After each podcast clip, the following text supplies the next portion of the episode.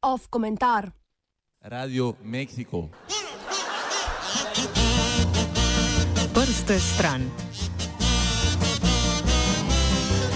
Na socialnih omrežjih do zdaj še nismo imeli priložnosti spremljati tako nasprotujočih in medsebojno izključujočih si mnen glede vprašanja pravice naroda do samoodločbe, kot ravno na primeru Bolivarske republike Venezuele.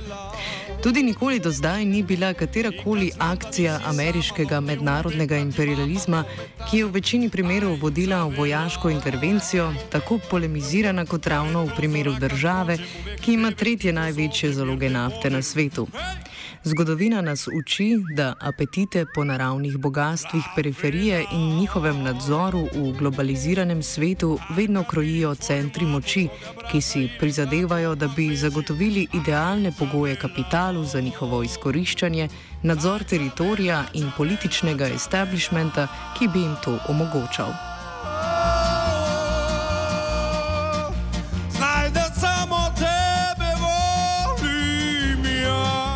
Prvi tovrsten primer v Venezueli je malo več kot 60 let star dogovor, imenovan Punto Fijo, ki so ga leta 1958 podpisali predsedniki takratnih treh največjih parlamentarnih strank in je postal temelj za začetek demokratičnega procesa v državi.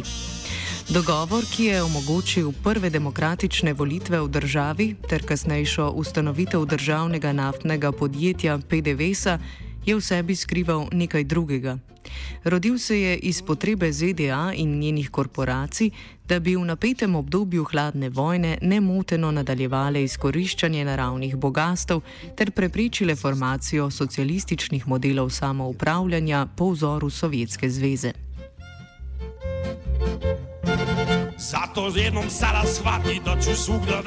V nekaj desetletjih od utopičnega procesa demokratizacije države ni ostalo dosti. Punto Fihizmo je na oblasti ustoličil dvopartijski sistem, imenovan patriarhija, in ustvaril novo neoliberalno elito, ki je tujim korporacijam še naprej podeljevala koncesije za izkoriščanje naravnih bogastev, ob tem pa bajno obogatila. Padec izvoznih cen nafte v 70-ih letih, neoliberalni obrat k tržnemu gospodarstvu, vse večje zadolževanje pri mednarodnih finančnih mehanizmih pod nadzorom zahodnih vele sil in posledični varčevalni ukrepi so ustvarjali vse večji prepad med vladajočo oblastjo in preostankom prebivalstva.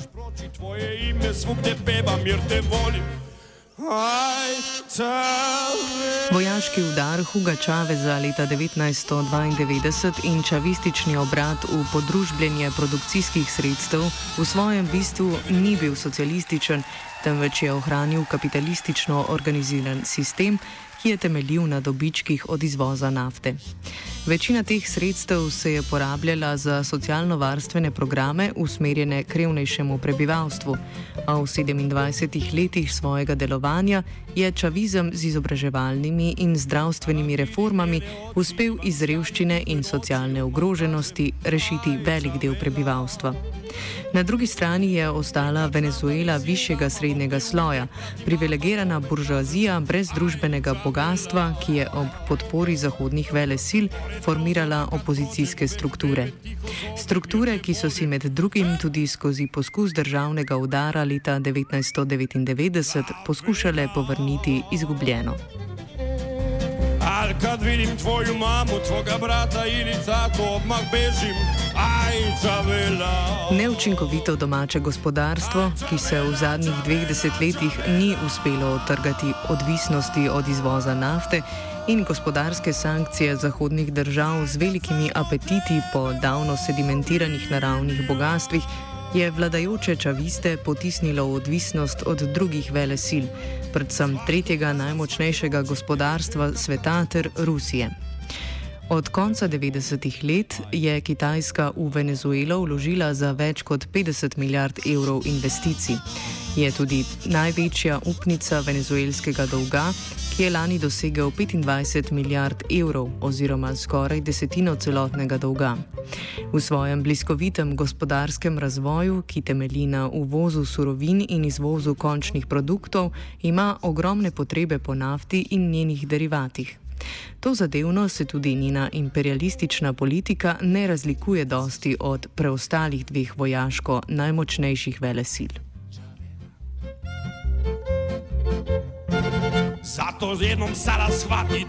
Samo oklicanega predsednika Juana Guaidoja, ki ga je pred zaprisego 22. januarja letos poznala manj kot petina prebivalstva, moramo zato razumeti ravno v razmerju borbe za nadzor nad izkoriščanjem naravnih bogastev.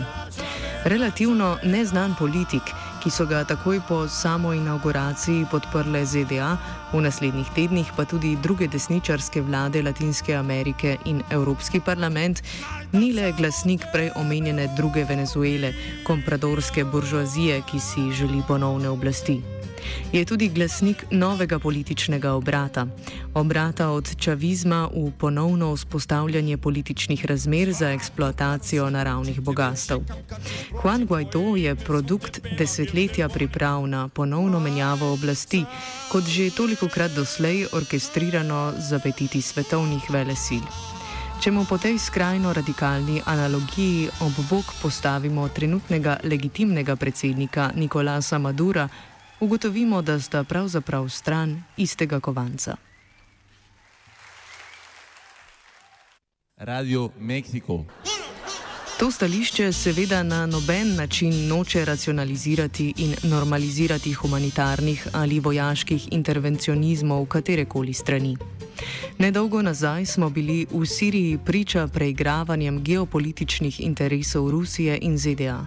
V trenutni situaciji v Venezueli je suverenost naroda do samo odločbe razpeta med tripartitne apetite po surovinah treh najmočnejših gospodarstv sveta. Zgodovina imperialističnih teženj svetovnih velesil zadnjih sto let nas uči naslednje. Za resurse je častno in vredno uporabiti vsa sredstva: lagati, krasti, zavajati, začenjati vojne in ubijati. Kad vidim tvoju mamu, tvoga brata ili tato, odmah bežim. Venezuela pri tem ne bo izjema, temveč bo le potrdila pravilo in eden izmed relativno uspešnih poskusov socialističnega samoupravljanja bo spet nadomestil edini dolgoročno neuzdržen sistem gospodarske in politične ureditve. Tokrat ga ne bomo imenovali z besedo, tudi zaradi dejstva, ki ga dokaj ironično ubeseduje rek enega največjih ameriških predsednikov: Kdor drugemu krati svobodo, je sam ne zasluži.